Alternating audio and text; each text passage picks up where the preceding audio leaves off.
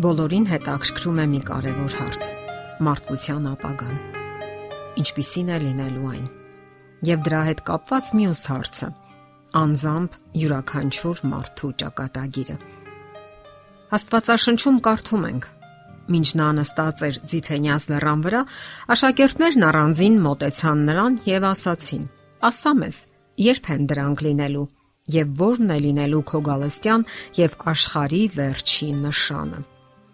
Աշակերտներին մտահոգում էր Քրիստոսի երկրորդ գալուստի եւ աշխարի վաղճանի թե ժամանակը, թե նշանները։ Այսօր մեզ էլ հետաքրքրում է այդ ամենը, երբ անցել է արդեն 2000 տարի այն ժամանակից, երբ տրվեց այդ հարցը։ Եվ ով կարող է անտարբեր լինել իր ճակատագրի հանդեպ։ Կա արդյոք փրկություն եւ եթե կա, արդյոք կփրկվեմ ես։ Ամենից առաջ պատասխանենք մի կարևոր հարցի որ ժամանակներում ենք մենք ապրում։ Անկասկած է, որ ապրում ենք ահագնացող ճգնաժամերի ժամանակաշրջանում։ Մեկը մյուսին հաջորդում են տարերային աղետները, սոցիալական ցնցումները, ազգամիչյան բախումներն ու պատերազմները։ Իրավունքն ու արդարությունը դարձել են դասագրքային կատեգորիաներ, որոնց ոչ ոք ուշադրություն անգամ չի դարձնում։ Գործում է ուժի տրամաբանությունը Ամեն ինչ վկայում է այն մասին, որ մեր երկիր մոլորակը իր վերջին ժամանակներն է ապրում։ Իսկ ավելի խորագույն պատճառը, ինչպես Աստծո խոսքն է ասում, սատանան է։ Նա գործում է հնարավոր բոլոր միջոցներով։ Իսկ սրա հետևանքը ակնհայտ է։ Անբարոյականության ահագնացում, սոցիալական անարթարություն, անհավասարություն, տարերային աղետներ։ Սակայն Աստված դեռևս պաշտպանում է մարդկությանը Նրանք, ովքեր պահպանում են Աստծո օրենքը եւ նրա սկզբունքները, գտնվում են առանձնահատուկ պաշտպանության ներքո։ Իսկ ովքեր չեն պահում այդ օրենքը, սատանայի ազդեցության տակ են։ Նրանց մի մասին սատանան տալիս է նյութական հարստություն, մյուս մասին տառապանքներ եւ նույնիսկ ներշնչում, թե դա Աստված է, որ մեղավոր է նրանց բոլոր տառապանքների եւ դժբախտությունների համար դժբախտ պատահարներ, պատերազմներ, բռնարարքներ, հիվանդություններ, աղետներ, ջրհեղեղ, երաշտ, հրդեհ, փոթորիկներ, մժիկներ, երկրաշարժ, սովեր,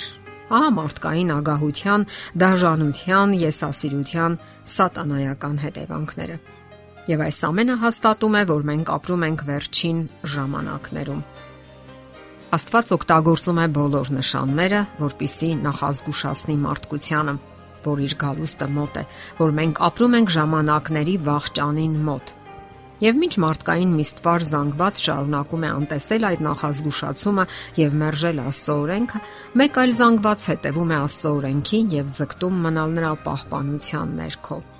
Աստծո օրենքը մերժողները ընտրում են եսասիրության ու հպարտության ուղին, ինքնավստահության ու չարամտության ու անարթարության ուղին Իսկ ահա նրա մյուս զավակները ընտրել են փրկության ուղին եւ հետևում են բարոյականության սկզբունքներին։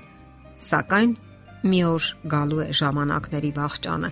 եւ լցվելու է Աստծո համբերության բաժակը։ Այդ օրը նա կվերադառնա մեր երկիր ի կատարածելու իր դատաստանները։ Դա կլինի դատաստանի ու կործանման, ինչպես նաև փրկության եւ ազատագրման օր։ Հավերժական կյանքի ապարքեվի օր հավատարիմների համար։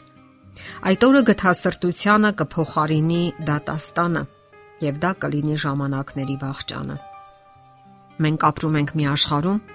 որտեղ ընթանում է մեծ պայքար ճարի եւ բարու Քրիստոսի եւ Սատանայի միջև։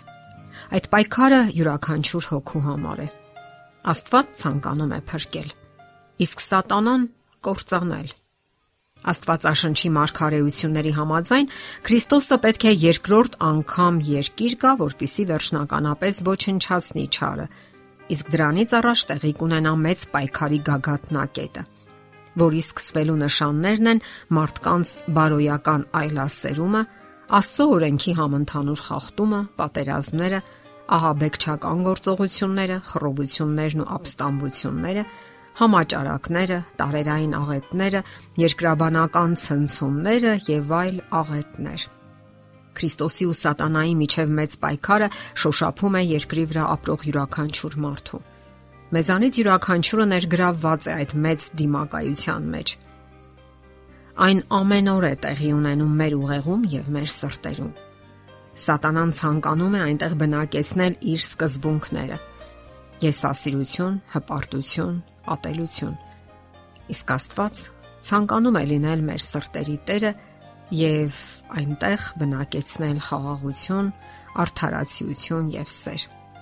Կարևոր է իմանալ, որ մեղք գործելուց, անկում ապրելուց հետո մարդը կորցրել է մեղքին ինքնուրույն դիմադրելու եւ հաղթելու ընտունակությունը։ Մարդկային բնույթը թուլացել է մեղքի կործանարար ազդեցությունից